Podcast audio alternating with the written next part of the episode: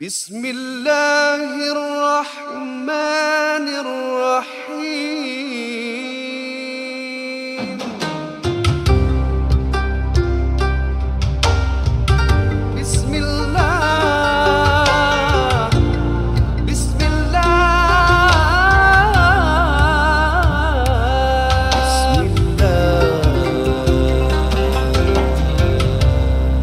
Bismillahirrahmanirrahim. Assalamualaikum warahmatullahi taala wabarakatuh. Waalaikumsalam apa khabar, warahmatullahi wabarakatuh. Izzah? Baik, Ustazah sihat ya? Lagi sekali kita sentiasa beri salam dan Masya eh, Allah. dengan uh, beri kabar gembira kepada semua insya-Allah. Okay? Semoga semua yang bersama ni sihat ya. ya, betul InsyaAllah yang mendengar dalam keadaan yang bahagia, ceria. Ya. Allah mudahkan semua urusan Ya, kita bersama insyaAllah. Betul dan semua sponsor yang support eh NJU dan semua uh, staffnya kaki tangannya semua eh bekerjasama semua yang dalam berkhidmat, eh. segala aktiviti NJU dan semua agama uh, dan semua uh, aktiviti agama kita Ya, eh uh, ya. dakwah kita mudah-mudahan kita doakan semua dalam keadaan sentiasa diberi oleh Allah taufik serta hidayahnya. Amin. Amin. Nah, sebelum tu apa kita punya kata-kata awal Izzah? On the show. Oh, sudah show.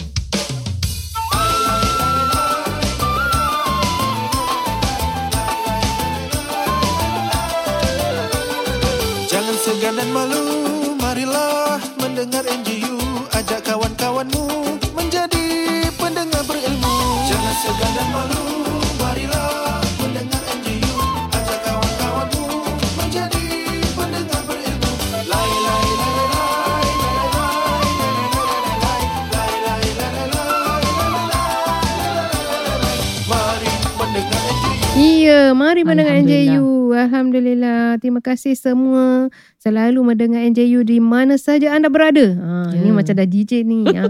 Dia kalau dah, dah semangat DJ ni susah. Eh, semua DJ-DJ saya tumbangkan. Ha, macam tu kita accent pula tu. Semangat. tak sedar dirinya tu masih Oh. lagi belajar. Eh, InsyaAllah. tak apa. Eh, Zah. kita biarkan. Gurau-gurau Eh, gurau-gurau janji jangan jatuhkan orang sudah. Eh, Yelah, ha, betul. gurau-gurau yang betul. Mudah-mudahan kita mendapat ilmu yang baik.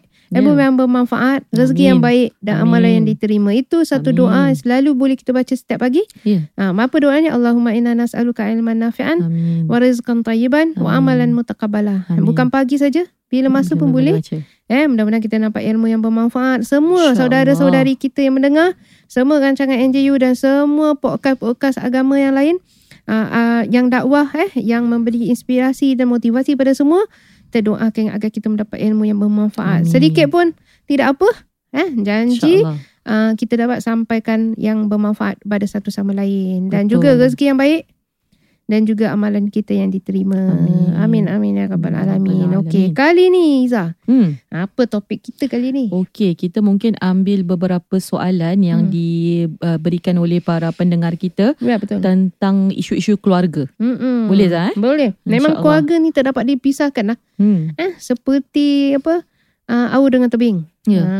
Pasal muslimat kita ni banyak apa isu-isu keluarga eh mungkin Hmm. kerana uh, banyak menyelesaikan masalah dalam keluarga Betul. uh, keprihatinan eh tak sifat waktu muslimah. COVID ni Hmm. masalah keluarga lagi tinggi. Kenapa Zah? eh? Ha, pasal semua dia dekat rumah.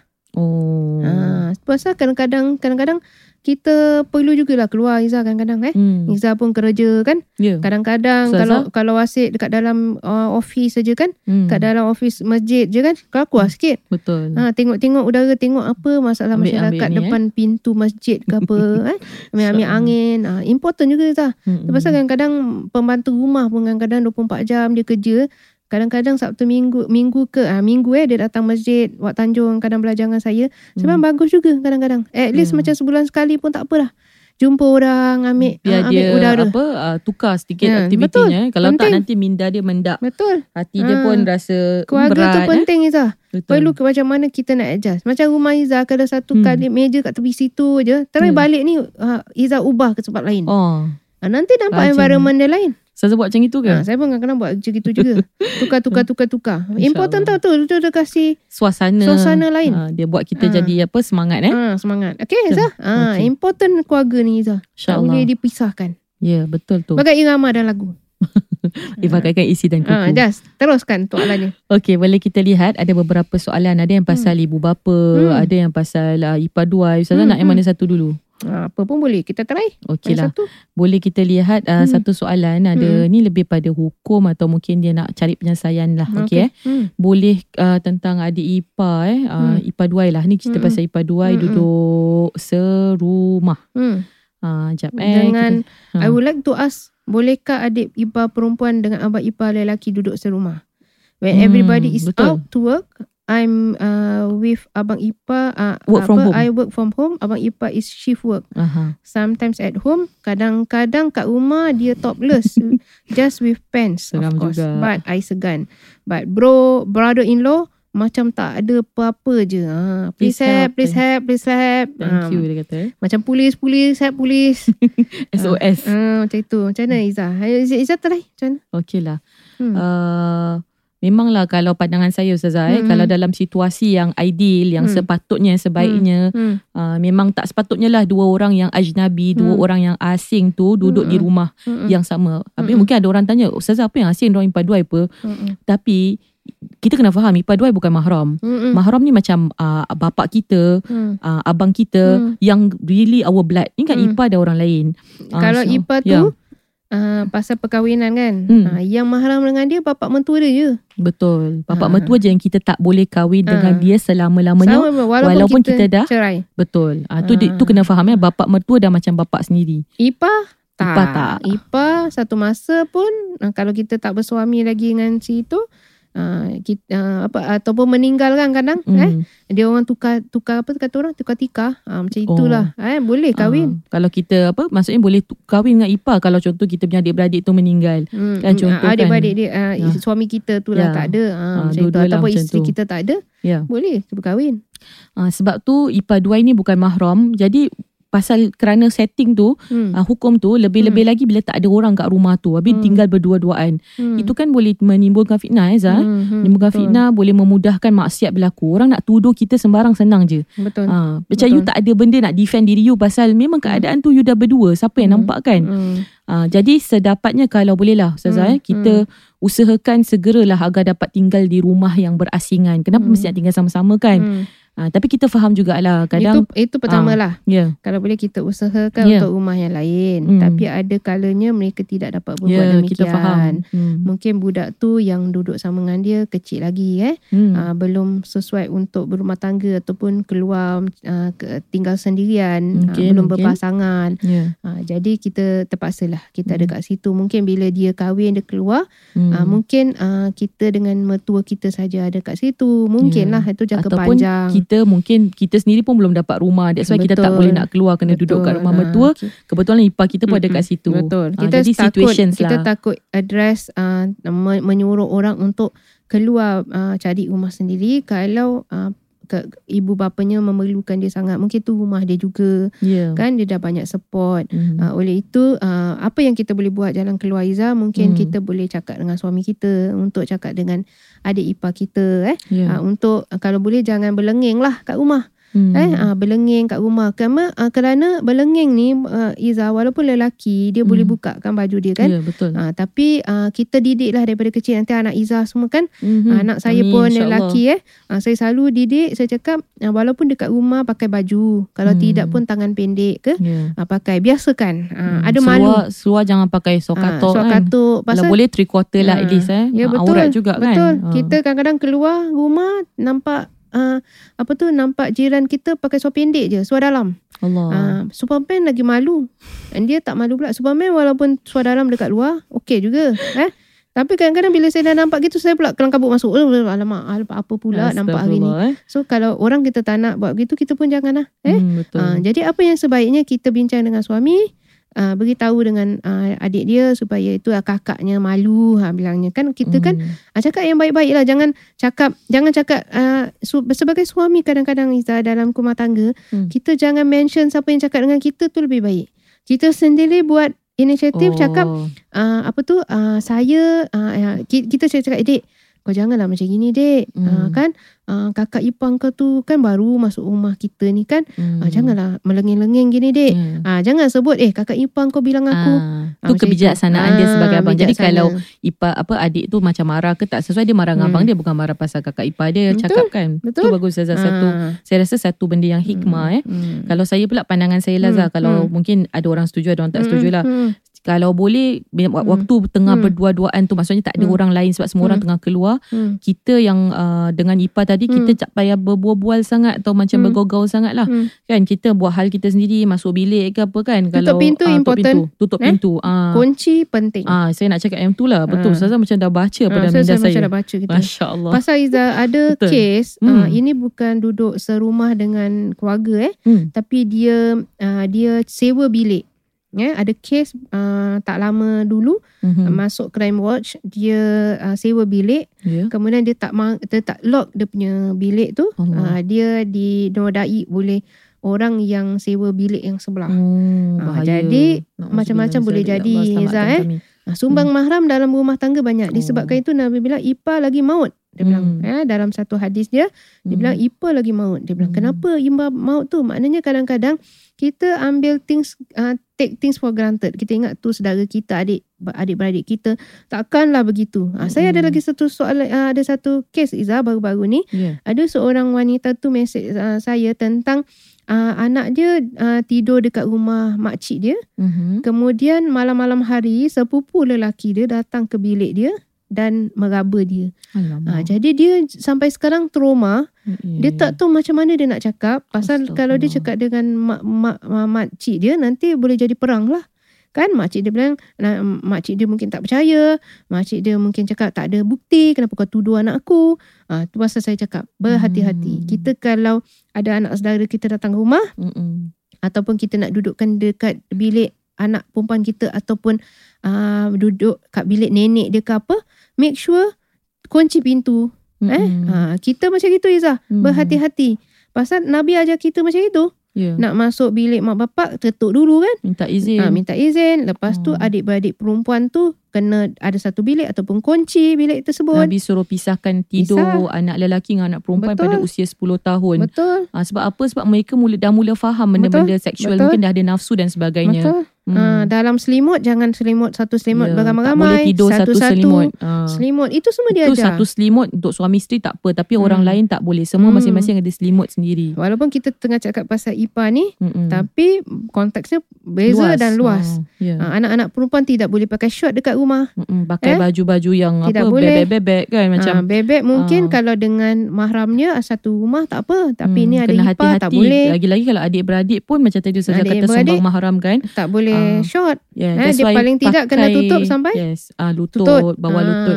lutut. Ah, jadi yang perempuan pun kena pakai yang sopan kat rumah walaupun ada adik-beradik sendiri. depan bapaknya, ba- depan, depan bapak adik-beradik, dia semua datuk kena paling tidak tutup daripada pusat sampai lutut kena Hmm. tutup. Ha, maknanya tak boleh pakai short. Tapi kalau konteks zaman sekarang atas pun kena tutup Nah, juga atas kan. lah, memanglah. Itu Ah. understandable lah eh. Ya. Kena tutup. Cuma Jangan tak adalah sampai kita kena tutup pakai sampai ke uh, ah, sampai seluruh tangan kita tutup. Yelah, Mungkin ya. pakai short sleeve boleh boleh. masih boleh. Ah, tapi dalam hukum dia cakap uh, uh, Paling- antara pusat sampai Ya, lutut jangan tak tutup. ya.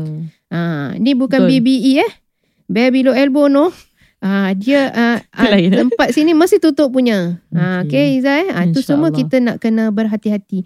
Kita sebagai makcik kalau ada anak-anak saudara kita datang rumah apa semua, ah, kita nak kena ah, ada ada batasan lah eh Mhm. kerana itu adalah ah, cousin eh. Hmm, Cousin semua bukan mahram eh. ya, Ah, kita boleh kahwin dengan cousin kita betul. kan? Ah, Walaupun kita tu- kata kita tak ada nafsu ke Ah, apa kan tak ada. daripada kecil dah Ah. main golek-golek sama-sama Ah, eh. Tak boleh dah besar dah cukup umur masih berhati-hati antara pakcik dengan anak-anak saudara. Ya. Ah, semua ada ada batasan. Alright Hmm, baby. betul. Ah, everybody. Macam itu Okay, kena Alhamdulillah. Rasanya cukup untuk soalan ni eh. Ya, Jawapan betul. kita Zah Betul. insyaAllah. jaga. Betul. Okey, kita ambil lagi satu soalan Ya. lah Ustazah. Hmm, Hmm, InsyaAllah eh. Tentang uh, seorang anak yang bertanya ni. Dia kata Hmm. bapak dia uh, temperamental. Uh, maknanya suka macam berangin gitulah kan. Uh, asyik marah-marah Berangin gitu kus-kus, kan. Kemudian dia dia kata kalau berbual tu selalu harsh lah macam Mm-mm. kasar dengan Mm-mm. anak. Mm-mm. Kemudian uh, rarely solat, jarang solat. Hmm. Then uh, lepas tu apa lagi dia kata uh, bila advice je bila anak we advice atau kasih apa-apa cakap mesti dia akan turn into argument. Hmm. So soalan ni anak saya rasa ni anak yang baik lah insyaAllah eh. Hmm. What can us daughters do or amalkan so Mm-mm. that he enters the path of Jannah? Hmm. I have heard that solehah daughters can Mm. help to bring their fathers to Jannah. Is Mm. is that true? Saza nak mula dulu Zah? Ah, Awak mula dulu lah. Okay. Uh, saya lihat soalan ni daripada seorang anak yang Hmm. baik lah eh. Masya Allah eh. Walaupun bapaknya macam gitu eh. Hmm. Kita kata geram lah kan. Hmm. Tengok eh. Kita yang baca Hmm. soalan pun. Ih bapak ni geram Hmm. tu aku. Hmm. Contohlah eh. Hmm. Jadi uh, saya lihat anak yang baik ni eh. Mudah-mudahan uh, berkat kesabaran anak ni lah. Hmm. Kena Hmm. banyak bersabar. Memang cakap Hmm. sabar ni senang nak Hmm. lakukan. Bukan mudah lah. Kena banyak terus berdoa kepada Hmm. Allah.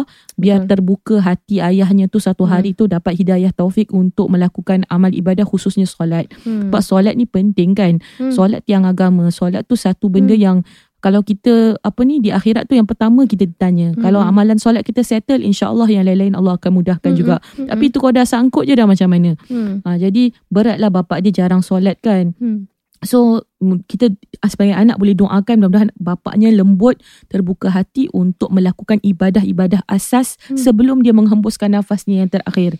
Ah tu Zaza Hmm, yang saya hmm, boleh kongsikan eh. Hmm. Uh, dan kalau nak nasihat apa yang cara terbaik yang termampulah maksudnya Hmm. you tahu memang kalau you nasihat dia suka gaduh dengan you balik pasal egonya tinggi mungkin Hmm. atau dia rasa dia sebagai bapa dia dia betul atau mungkin ha- dalam hati kecilnya dia rasa uh, yelah dia dia tahu yang dia salah tapi Hmm. dia susahlah nak terima kan Hmm. uh, jadi perlahan-lahan lah sedangkan Nabi Hmm. Musa dengan Firaun pun Hmm. Allah suruh cakap baik-baik Hmm. apakah lagi ni bapa kita Hmm. kan Firaun lagi sampai tak mengaku apa uh, sampai mengaku diri Tuhan kan Hmm, hmm, itu hmm. pun Allah suruh cakap lembut-lembut Betul. apalagi dengan mak ayah kan Hmm. kita cubalah sedaya upaya eh mudah-mudahan Hmm. Saza ada tambahan Oh. ke Saya begini, um, kita memang um, eh, dia dia cakap tu betul. Dia kalau anak yang soleha, uh, kalau ada dua anak perempuan dia, dia jaga dengan baik, dididik dengan baik, mak bapak dia jamin syurga kan. ya Uh, kalau sahabat bilang kalau satu uh, satu ni aku tak tanya Nabi lah. Kalau aku tanya agaknya kalau satu anak pun dijaga baik mesti masuk syurga juga. betul Betul.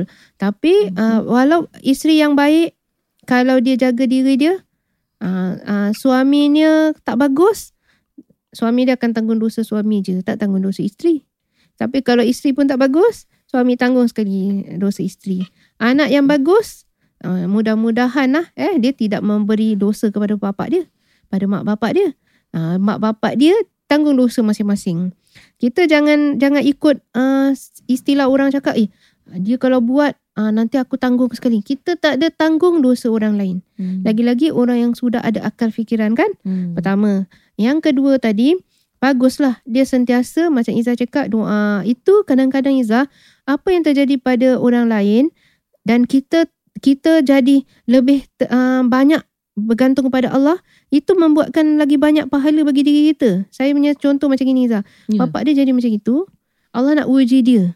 Hmm. kan? Ha, jadi bila Allah uji, uji dia men- menerusi bapak dia, dia makin dekat kepada Allah. Sebenarnya Allah nak kasih dia rahmat banyak tau.